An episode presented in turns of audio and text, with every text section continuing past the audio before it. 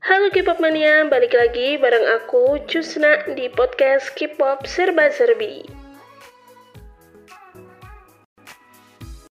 Eits, tunggu dulu. Sebelum masuk ke inti kali ini, aku ingin memperkenalkan aplikasi Anchor.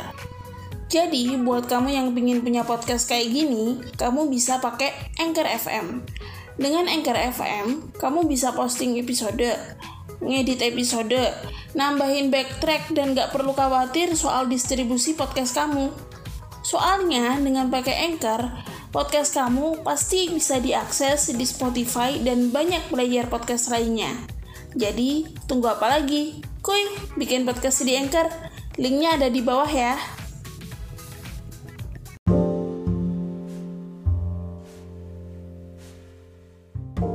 Halo K-pop mania, balik lagi bareng aku Husna di podcast K-pop Serba Serbi. Sesuai dengan janji aku pada episode kemarin, aku kali ini akan membahas mengenai nominasi Mnet Asian Music Award tahun 2022.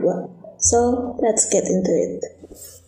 First of all, I do not really care about award or something kinda like that. Menurut aku, alasan aku follow sebuah grup K-pop itu bukan karena salesnya, bukan karena achievementnya di bidang award, baik itu yang tahunan kayak gini maupun uh, yang mingguan. Tapi menurut aku, aku follow sebuah grup itu pertama karena lagunya bagus, kedua karena vokal membernya menurut aku bisa mengenakan sebuah lagu. Kayaknya terakhir aku follow acara musik award kayak gini tuh ya di eranya debutnya Twice sama G-Friend sih. Ya sekitar tahun 2015 tahun 2016an karena pada waktu itu aku sedang ngefansnya sama G-Friend and want them to win so bad penampilan mereka juga di acara award itu luar biasa apalagi dengan Yuju dengan Navilera yang ikonik itu pada waktu itu. Tapi ya setelah itu biasa aja gitu nothing special in my opinion. Tapi I do understand that some musician still need to be acknowledged by winning some award baik itu yang mingguan maupun yang tahunan ya sebut aja lah kayak Dreamcatcher gitu kan ya yang udah lima tahun debut baru dapat satu kali win. Dan belum pernah kayaknya belum pernah sih ya seingat aku belum pernah winning anak uh, winning award di acara tahunan kayak gini. So I do understand why they are still needed to be acknowledged by indicator like that tapi aku sendiri ya follow Dreamcatcher karena lagu-lagunya bagus kayak gitu. Bukan karena mereka mereka dari agensi kecil terus uh, I want see them as a next big thing gitu enggak. Selain itu aku juga nggak tahu kenapa ya nggak tahu kenapa. Aku ngerasa tuh kalau acara musik award kayak gini tahunan itu udah kehilangan kredibilitasnya sejak beberapa tahun yang lalu. Mungkin seiring dengan Korea uh, Korean music Korean pop mendunia jadi acara kayak gini tuh kayak udah jadi nggak relevan lagi gitu menurut aku pribadi ya. Tapi ya itu itu just my opinion gitu. Even kayak yang skalanya lebih gede kayak BBMA gitu Billboard Music Award itu menurut aku kayak kayak ya udah kalau menang BBMA terus kenapa kayak gitu kalau aku sih tapi ya kalau musisi Korea macam BTS atau yang lainnya terus menang BBMA itu pasti something big happened. Tapi kalau aku sih ya udah menang BBMA kenapa? Yang penting lagunya bagus. Menang F eh, menang menang FFI menang AMI Award. Kalau di Indonesia kan Music Award itu kan AMI Award. Menang AMI Award itu ya kalau kalau seorang musisi menang AMI Award ya terus kenapa? Penting lagunya bagus. Kalau nggak menang ya nggak apa-apa kayak gitu. Kecuali mungkin kalau ukuran film ya khususnya kalau di Indonesia gitu. Kalau menurut aku pribadi kalau menang Oscar itu udah pasti jaminan kualitas walaupun emang ada tendensi tertentu kayak white supremacy atau nomi uh, jurinya banyak kan cowok gitu. Aida uh, aku nggak mikirin hal kayak gitu tapi yang jelas menurut aku kalau menang Oscar itu udah jaminan kualitas begitupun juga kalau udah menang FFI sebuah film ya menurut aku FF itu sekarang uh, Festival Film Indonesia itu masih menjadi salah satu tolak ukur utama sebuah film dikatakan bagus. Kalau di Korea, kenapa aku tidak memikirkan hal itu? Karena setahu aku kalau di Korea itu terima awardnya itu sesuai TV gitu. Jadi kalau kayak di sini itu Panasonic Award, bukan yang skalanya nasional atau skalanya yang lebih menyeluruh gitu. Jadi ya pasti yang dimenangin drama di TV itu di channel itu gitu jadi menurut aku itu nggak relevan aku pengennya menyeluruh kayak FFI kayak gitu sih so tanpa ngomong banyak lagi mari kita bahas nominasi Mama tahun ini kategori pertama ada Best Female Artist Nominee yang diisi oleh Ayu, Mion, Nayon, Selgi, dan Teon menurut aku yang bakalan menang sih Nayon ya tapi bukan karena segi kualitas musik. Jujur karena apa ya kayaknya debut solonya Nayon itu benar-benar sukses dari segi marketing side. Kalau dari musik mungkin aku lebih prefer ke Selgi atau Teon kalau Mion aku belum pernah dengerin lagu solonya dia kalau Ayu sejujurnya selama lebih dari 10 tahun aku jadi K-popper, aku jarang banget ngedengerin lagu-lagunya Ayu. Wah, menurut aku, aku nggak terlalu suka sama suara vokalnya dia sih. Bukan kualitasnya ya, tapi warnanya kayak gitu. Kenapa aku bilang Nayon kemungkinan menang karena marketing side-nya, suksesnya pertama? Ya karena dia masih aktif sebagai anggota girl group sekarang dan girl groupnya sangat-sangat populer. Dia center juga. Terus yang kedua karena menurut aku lagunya Nayon yang berjudul Pop itu not really artsy sangat menonjolkan sisi marketingnya kayak gitu ya biar TikTok friendly lah kayak gitu. Jadi bukan yang tiba-tiba bakalan buat aku enjoy sih sejujurnya. Kategori selanjutnya ada Best Male Artist Nominee. Dan nominasinya ada J-Hope, ada Kang Daniel, ada Im Yong Wong, terus gimana sih bacanya? Aku nggak tahu. Terus kemudian ada Sai, ada Zico. Dan karena aku nggak pernah ngedengerin lagu-lagunya mereka, jadi skip aja.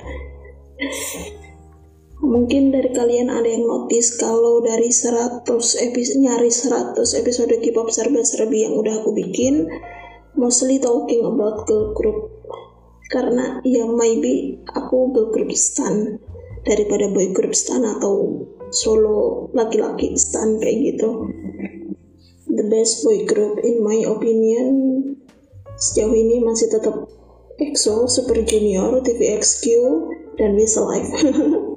Panjang banget Westlife. Terus kategori setelahnya ada Best New Male Rookies Group ya boy group boy group nomina, nominasi boy group ter, uh, nominasi rookie boy group terbaik sorry penghuninya ada Tempest, ada Atbo, ada TNX, ada Extra gimana sih bacanya? Extraordinary Heroes atau Extraordinary Heroes, ada unit yang anggotanya ada yang join Produce 48 di Insang I guess namanya. Jujur tahun ini bukan tahunnya boy group apalagi boy group yang masih rookie jadi aku nggak ngedengerin lagu mereka semua. Mungkin kecuali Tempest. Gimana sih Tempest Tempest? Apa gimana sih cara bacanya? Atau tempe? Tapi yang jelas aku nggak pernah ngedengerin lagunya mereka semua. Kalaupun aku dengerin lagunya Tempest itu karena tertarik karena ada dua mantan kontestan Produce 101 Season 2 ada Wiyung sama ada Andi Osok ya yang membuat aku tertarik untuk menonton mereka. Lagunya sih forgettable sih menurut aku. Aku sama sekali nggak ingat gimana lagunya. Jadi mari kita skip aja. Kategori selanjutnya nih yang agak berat yaitu Best New Female Rookies Group. Ada Ive, ada Le Serafim, ada Nmix, ada Nugins, terus ada Yena, dan yang terakhir ya itu aja kayaknya. Ada Kepler ada Kepler. Dibilang susah ya susah karena ini tahunnya mereka dan lagu-lagunya bagus-bagus semua menurut aku. Tapi yang pasti kayaknya yang paling kandidat paling kuat untuk menang itu tetap IVE. Mereka uh, IVE masih merilis 6 lagu sejauh ini belum juga satu tahun ya kan? Tapi mereka udah dapat 37 37 kemenangan di acara musik mingguan and it is obviously extraordinary luar biasa banget pencapaiannya. Emang emang sih kalau dari segi kuantitas aku nggak terlalu nggak terlalu ngikutin tapi jujur lagu-lagunya Ive itu emang bagus-bagus semua enak-enak semua. Jadi nggak nggak nggak salah juga kalau mereka menang terus pesaing terkuatnya Ive untuk menang di Best Rookies ini menurut aku tidak lain dan tidak bukan adalah Nugins yep aku memang baru ngedengerin beberapa lagunya Nugins tapi semuanya enak-enak juga hmm, konsep mereka unik, lagu mereka unik, eksperimental tapi in good ways. Dance-nya unik juga, jadi apa ya, nggak heran juga kalau mereka juga yang menang gitu, nggak nggak Ive. Tapi menurut aku kayak 50% masih Ive. Mungkin kalau misal siapa itu namanya New Jeans bisa have a chance to win itu mungkin sekitar ya 30 persenan lah. Lalu gimana dengan kandidat lainnya? Lester Raffi masih hit and miss in my opinion and mix dari segi lagu menunjukkan progres yang cukup menarik. Gabler gitu-gitu aja. lagu terbaiknya Gabler masih Mask sejauh ini. Hey, jangan lupakan Yena. Yena sih lagunya bagus ya. Tipe-tipe anime kayak gitu menurut aku. Lagunya enak. Tapi dibandingkan dengan kandidat lainnya kemungkinan dia menang sih agak lebih kecil sih sejujurnya kategori selanjutnya nggak kalah susah dengan yang sebelumnya yaitu best female group tapi yang senior nominasinya ada G Idol, ada Idol, sorry, aku uh, aku salah baca nama grupnya. Terus kemudian ada Espa, ada siapa nih? Ada Blackpink, ada ITZY, ada Red Velvet, ada Twice. Oke, okay, let's we start about G Idol. Idol, sorry. Menurut aku tahun ini tahunnya Idol sih. Dua consecutive comebacknya mereka beneran banger Tomboy secara lagu bagus, enak, cukup marketable, tapi nggak terlalu mainstream menurut aku. It still apa ya deserve to win.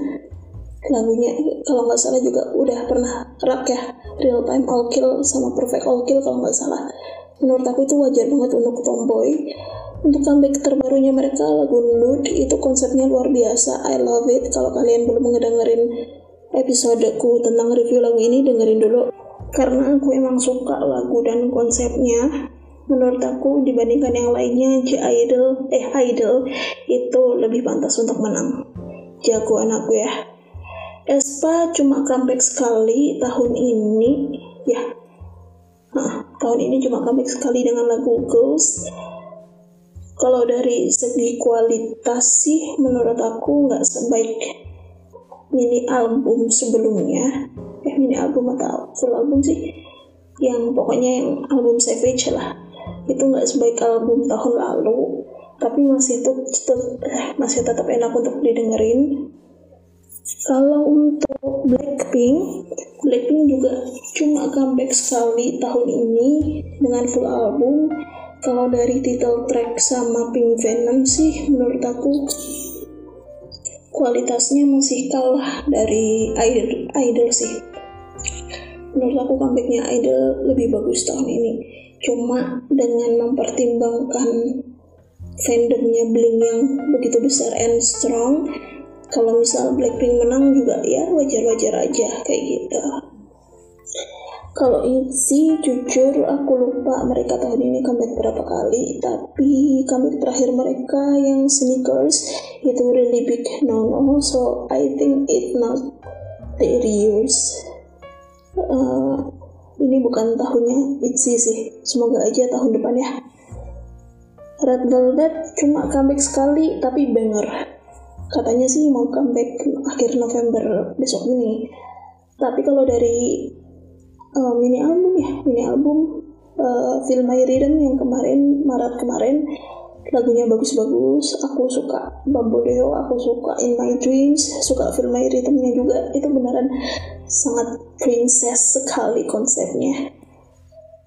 Tapi berhubung mereka cuma comeback sekali ya favorit aku masih idol sih terakhir ada Twice. Aku juga lupa mereka comeback berapa kali ya tahun ini ya.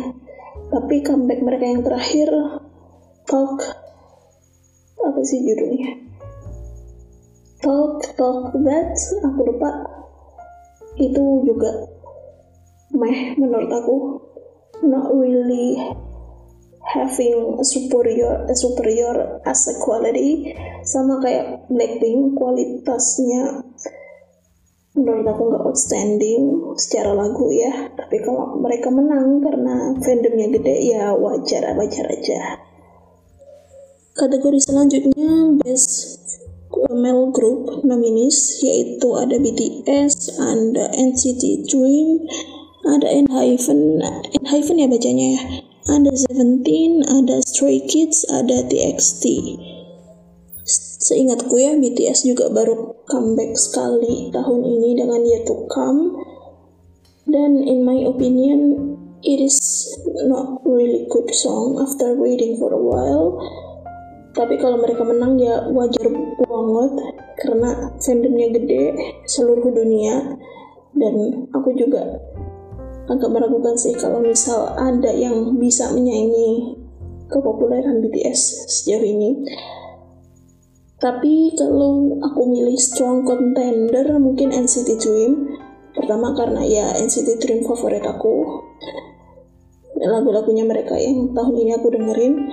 Kedua sebenarnya sebenarnya menurut aku tahun ini sendiri juga bukan tahunnya Dream. Tahunnya Dream itu jelas tahun 2021 ketika Hot Sauce sama Hello Future dirilis. Tahun ini jelas kualitasnya not really into Dream Year kualitas lagunya tapi kalau di, dibandingkan Enhypen dibandingkan Stray Kids atau dibandingkan TXT NCT Dream still hold a strong contender for BDS this year in my opinion. Oh ya, yeah, Seventeen lupa. Enhypen aku belum pernah ngedengerin eh bukan bukan belum pernah sih aku pernah ngedengerin lagunya mereka yang berjudul Blessed Cursed nah, kalau nggak salah judulnya dan aku suka lagu itu. Cuma ya itu aja lagu mereka yang aku suka. Kemarin nyoba ngedengerin lagu mereka yang judulnya Past the Mic kalau nggak salah ya. Aku langsung oh no this is big no no for me. Thank you. Skip. Kalau TXT TXT aku dengerin beberapa lagu mereka terutama yang awal-awal debut. Paling suka itu love song sama yang seterusnya itu apa sih? Comeback mereka yang kemarin itu juga enak yang vibesnya rock rock kayak gitu. Tapi untuk Good Boys Fun Bad tahun ini juga not really my cup of tea. Ini albumnya juga. Kayaknya aku tipe orang yang nggak terlalu suka dengan kualitas vokal dan editingnya hype sih Seventeen aku ngedengerin lagu-lagu mereka di awal-awal debut karena menurut aku lagunya yang bagus.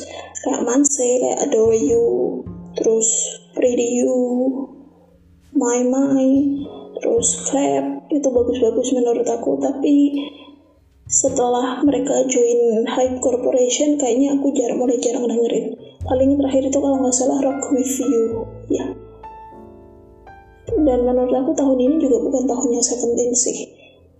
Comeback terakhirnya mereka yang eh bukan comeback terakhir ya comeback terakhirnya mereka itu kalau nggak salah yang World ya. Comeback mereka yang barengan sama NCT Dream itu apa sih sama BTS juga aku lupa judulnya. Itu editingnya juga not really my cup of tea sorry.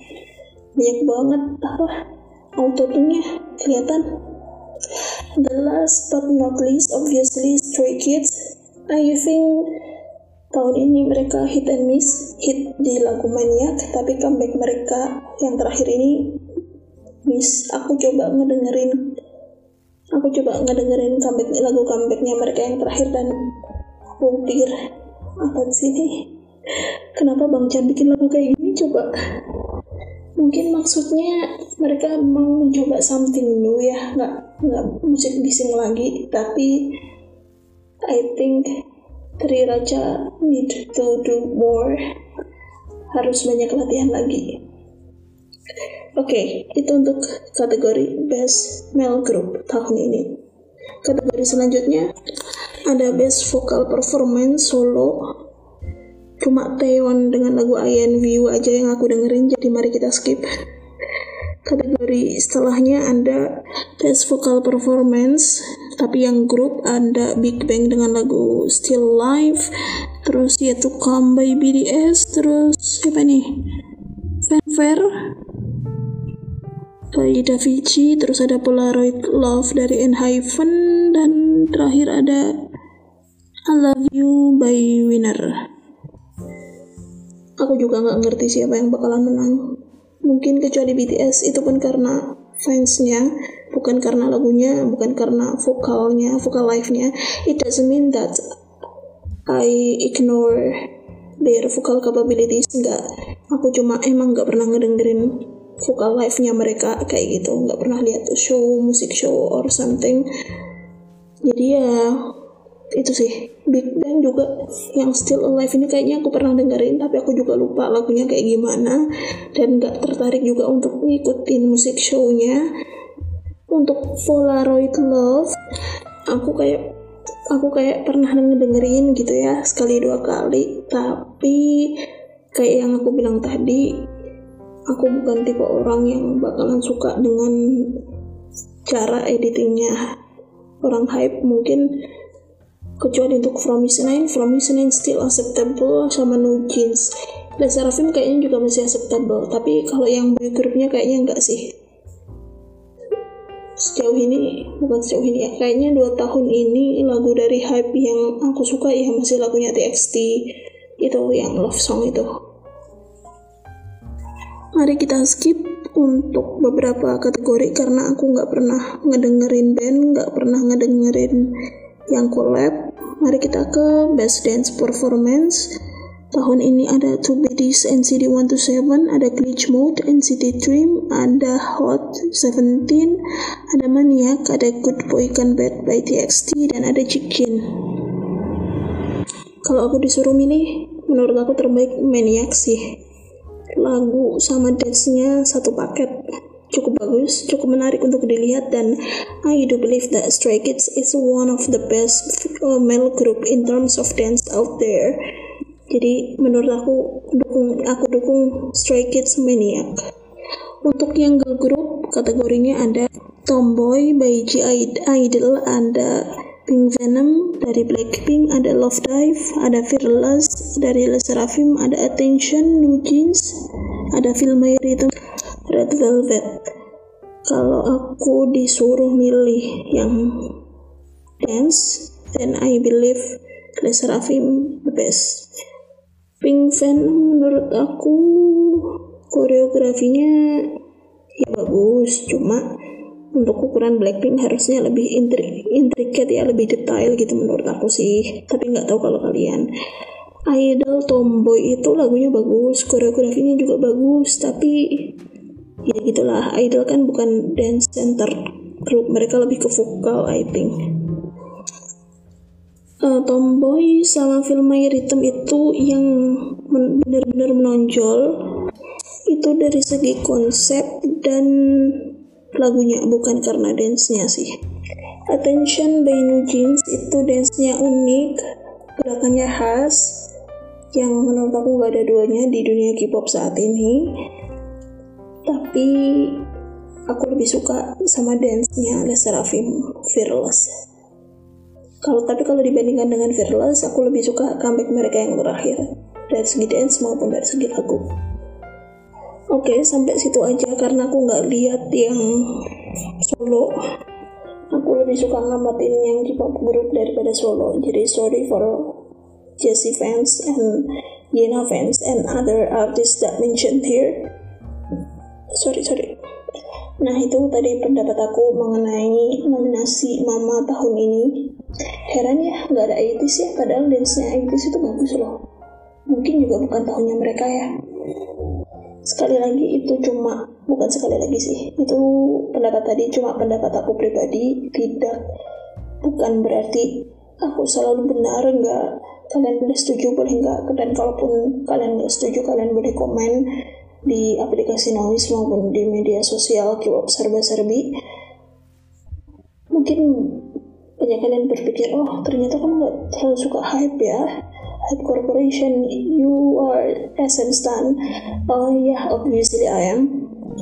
Dari zaman Super Junior sampai zaman NCT Dream aku selalu SM stan by the way aku nggak terlalu suka hype itu bukan karena artis kualitas artisnya jelek atau gimana tapi aku kurang suka lagunya sama kurang suka editingnya aja.